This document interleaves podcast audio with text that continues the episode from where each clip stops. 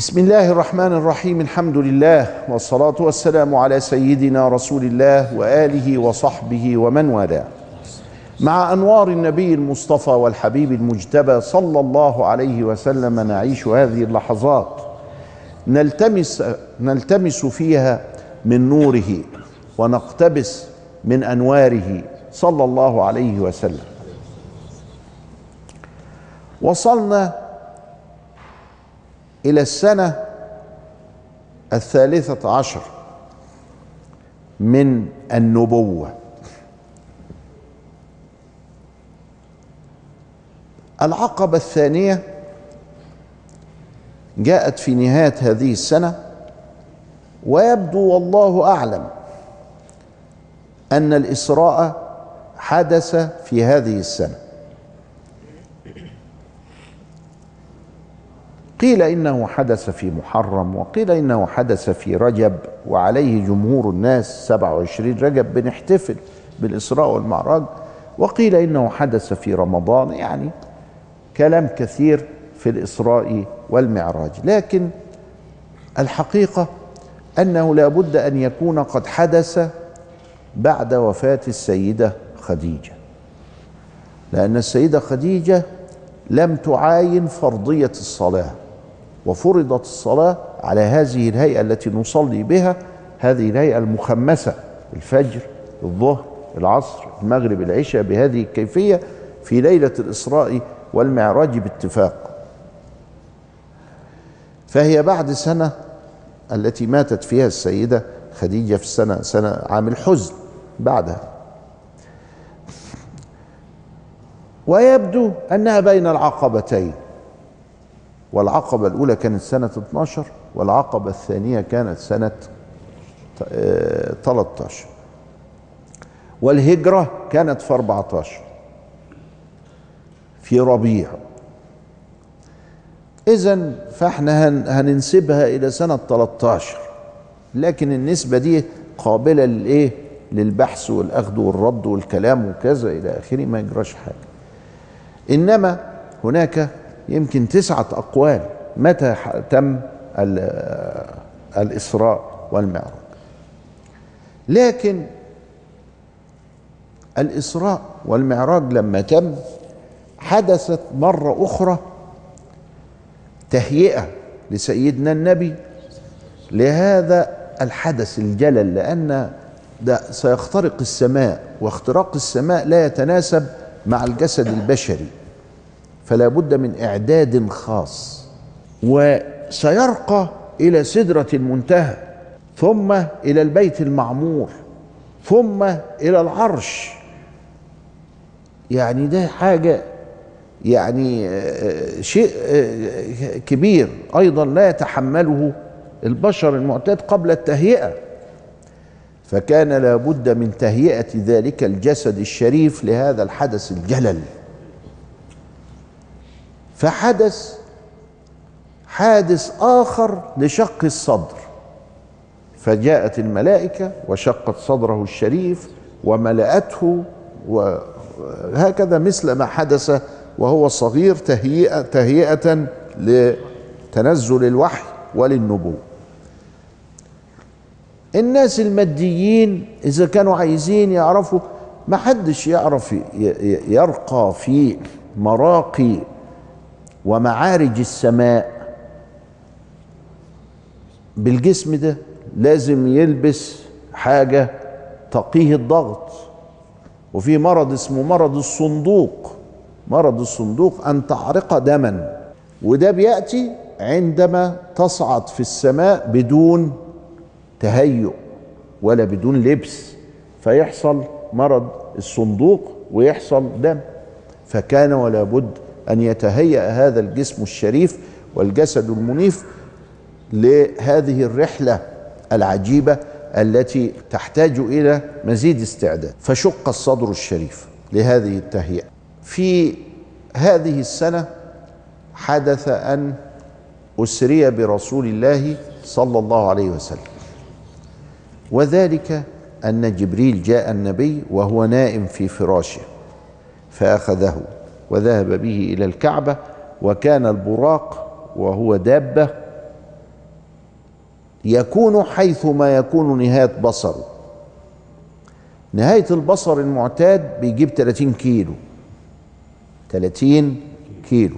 يعني أنت لما تقف كده تشوف قبة السماء نازلة على الأرض أهو دي 30 كيلو.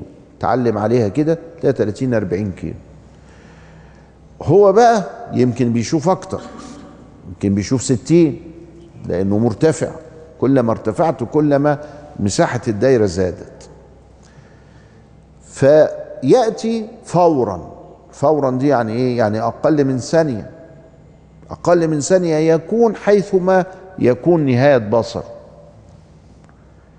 ومعنى هذا إحنا في المدينة هينتقل بسيدنا إلى بيت المقدس.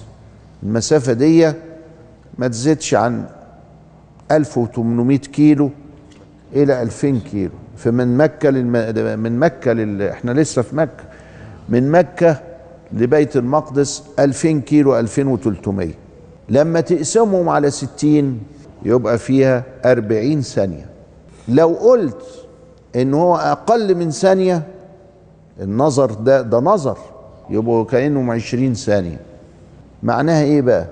معناها إنه عمل 120 كيلو في الثانية. 120 كيلو في الثانية. آه يعني أقل من سرعة الضوء. آه فإذا ما فيش يعني أقل من سرعة الصوت كمان. آه ده أقل من سرعة الصوت. لما نوصل كده في هذه الثواني القليلة هذه المسافة وصل رسول الله صلى الله عليه وسلم وربط البراق اعقلها وتوكل ربط البراق في حلقة في الجدار اللي هو بيسمى دلوقتي بحائط البراق في المسجد الأقصى. المسجد الأقصى عبارة عن مسجد متوجه إلى الكعبة والكعبة دي جنوبا. فده من الجنوب كده يبقى الغرب هنا والشرق هنا. الحائط حائط البراق على إيدك اليمين الغربية. وهو على تلة مرتفعة 30 30 إيه متر. وفي المصلى المرواني اللي بيقولوا إن النبي صلى فيه تحت مش فوق. ربط البراق في حلقة هي دلوقتي باب المغاربة اللي عايزين اليهود يكسروه ويقضوا عليه عشان ما يبقى لناش آثار. يبقى إنا لله وإنا إليه راجعون. اليهود عايزين يقضوا على أثارنا وبعضهم قضوا على أثارنا فعلا. فهدوا بيت النبي وهدوا المدينة كلها والحمد لله رب العالمين. الذي لا يحمد على مكروه سواه. بدل ما نحافظ عليها لا نهدها اليهود مش عارفين يهدوا إلى الآن. وإن شاء الله ربنا يشل إيدين الإسرائيليين عندما يراد هدم المسجد الأقصى وهدم حارة المغاربة وهدم حائط البراق اللي بيسموه المبكى مش مبكى هو حائط البراق لأنه بيجوا يبكوا عنده معلش مالناش دعوة بيهم. بعد قليل نواصل هذه الرحلة المباركة.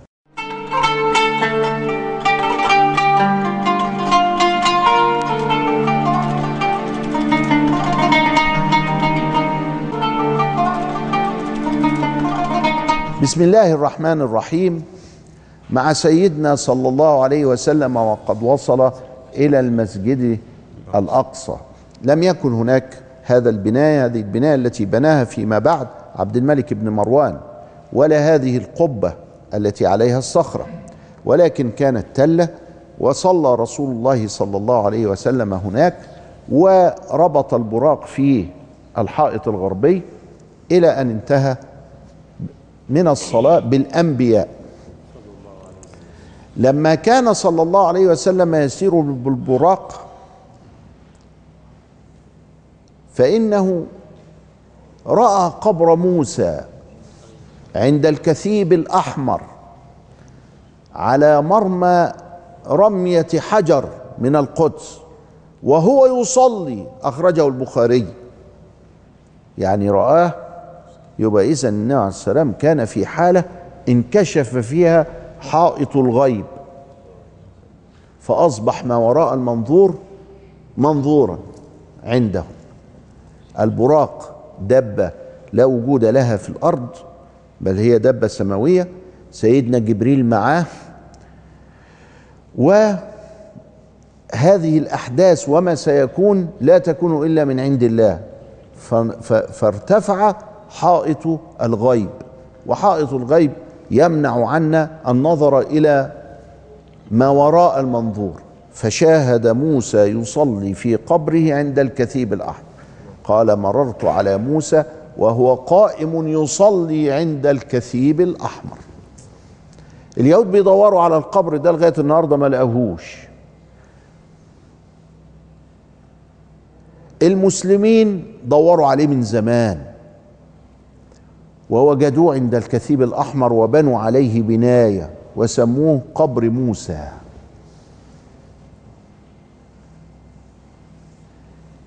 واليهود ينكرون يقول لا ما لناش دعوة بال. خلاص خليكم دوروا عليه إن شاء الله لكن المسلمون دوروا عليه فعلا ووجدوا فعلا كثيب أحمر ووجدوه على مرمة حجر ووجدوه كذا وبنوا عليه مقاما وأسموه مسجد سيدنا موسى إلى الآن باقي إلى الآن. النبي عليه السلام صلى بالأنبياء. يبقى اذا يجوز تجسد الأرواح علشان يصلي بهم وصلى بهم إماما فهو إمام الحضرة القدسية عليه الصلاة والسلام. تطور النبي والولي يعني تجسده وهذا أخذوها من حادثة الإسراء والمعراج. بعدما صلى بهم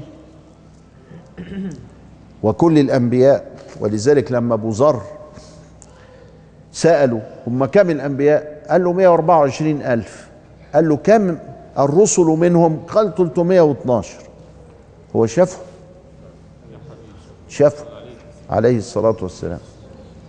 فصلى به ثم خرج وركب البراق شوية كده في, في, السماء ثم أخذه جبريل وفتح له أبواب السماء.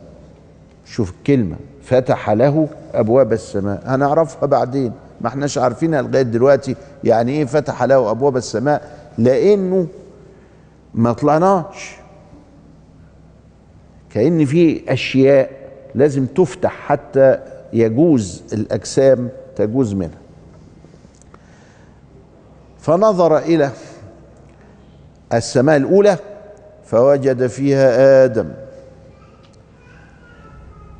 فسلم عليه واعترف ببنوته ونبوته إن هو من الأنبياء وناداه بالنبوة. السلام عليك أيها النبي ورحمة الله وبركاته. طلع السماء الثانية لقى فيها سيدنا يحيى وسيدنا عيسى اللي هم أولاد خالة.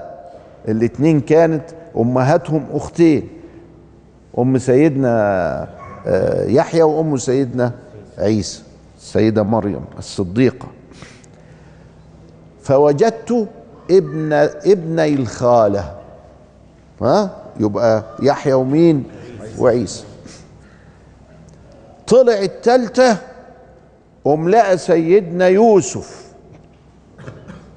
الجميل عليه وعلى نبينا الصلاة والسلام فسلم عليه وناداه بالنبوة أيضا. طلع الرابعة لقى سيدنا إدريس اللي هو أخنوخ أو أخنوخ أو هرمس الهرامصة أو حكيم الحكماء سيدنا إدريس. ويقال في التراث إنه سيدنا إدريس حي باق كسيدنا عيسى بجسده العنصري في السماء الرابعة. يعني كأن سيدنا عيسى مش وحده الذي رفع إنما إدريس رفع. جه يروح السماء الخمسة فلقى سيدنا هارون. طلع على السماء الستة. أيضا فسلم عليه وناداه بالنبوة كله هم كده فلقى سيدنا موسى. فسلم عليه وناداه بالنبوة. وبعدين وهو طالع كده على السبعة. في السبعة لقى سيدنا إبراهيم أبوه بقى صلب. موسى بكى. هو في السماء الستة يعني حاجة عالية أوي. فلما بكى قالت له الملائكة لم تبكي؟ قال هذا غلام يأتي من بعدي يدخل من أمته أكثر مما يدخل من أمة الجنة. يعني هو كان حريصا على أمته لكن لما بدلوا وحرفوا وخرفوا وأفسدوا أخذت منهم القيادة أخذت منهم القيادة وأعطيت القيادة للمسلمين. ولذلك تجد سورة الإسراء فيها آية واحدة بس بتتكلم عن الإسراء والباقي عن بني إسرائيل اللي بعده ليه؟ لأن هذه أمة قد خانت وانتهت واستوجب من خيانتها أن نعطيها للأمناء فحملها المسلمون إلى أن خانوا. هتخونوا هتبقوا كده هترجعوا هتبقوا كده. الحكاية ما هيش عايزة فلسفة. الحكاية هي أن الأمة القائدة ينبغي ألا تخون وإلا فإن القيادة لا تكون لها أبدا. أبدا. والله غالب على أمر. واحد يقول لي طب ما الملاحدة كانت لهم القيادة. إيه؟ حتى يرجعوا. ما رجعوش هتتاخد منهم القيادة وهتزول دول وأمم وهتروح روسيا بشيوعيتها وهتروح مش عارف أمريكا بعتوها وهكذا. هو بس إحنا بننظر تحت أقدامنا ولا بننظر إلى سنة الله في كونه؟ ولذلك الأمة القائدة لها صفات. عسى أن نجلس عليها ونستنبط منها لأن حادثة الإسراء والمعراج كانت في غاية الأهمية. ذهب النبي في, في, العلو إلى سدرة المنتهى ثم صعد إلى البيت المعمور ثم صعد إلى العرش فكان قاب قوسين أو أدنى. صلى الله عليه وسلم. أما رؤية الله بالنظر بالبصر فقد أجمع المسلمون على أنها لم تحدث. إنه شاف ربنا بعينيه ما حصلش. لا تدركه الأبصار وهو يدرك الأبصار. أما رؤية الله بالفؤاد فقد حدثت خلاف بين الصحابة هل وقع أو لم يقع. والراجح أنه وقع. حتى حكى بعضهم فيها الإجماع. يعني قال لا ما فيش خلاف بأنه قد رآه بفؤاده. وبرضه ما فيش خلاف إن هو رآه ببصره. هو لم يره ببصره اتفاقا ورآه إحنا بنقول أهو بقى ورآه بفؤاده صلى الله عليه وسلم. ما كذب الفؤاد ما رأى. فرضت الصلاة خمسين فنزل فألقاه موسى في السادسة في السماء السادسة قال له إني بلوت الناس قبلك اصعد إلى ربك واسأل التخفيف. فنظر إلى جبريل فقال أن نعم إن شئت.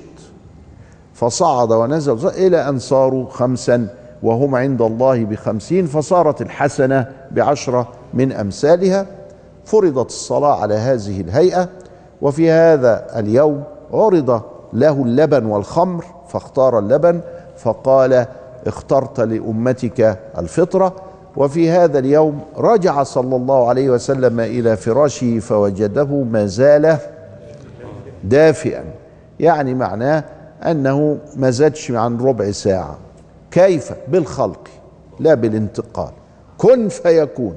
كن في السماء الأولى كن في السماء الثانية كن في السماء كن في سدرة المنتهى وتأتي بقى نظرية النسبية أن الأوقات قد تضيق وقد تتسع بناء على ما اكتشفه بعض أهل الفيزياء. إلى لقاء آخر أستودعكم الله والسلام عليكم ورحمة الله وبركاته.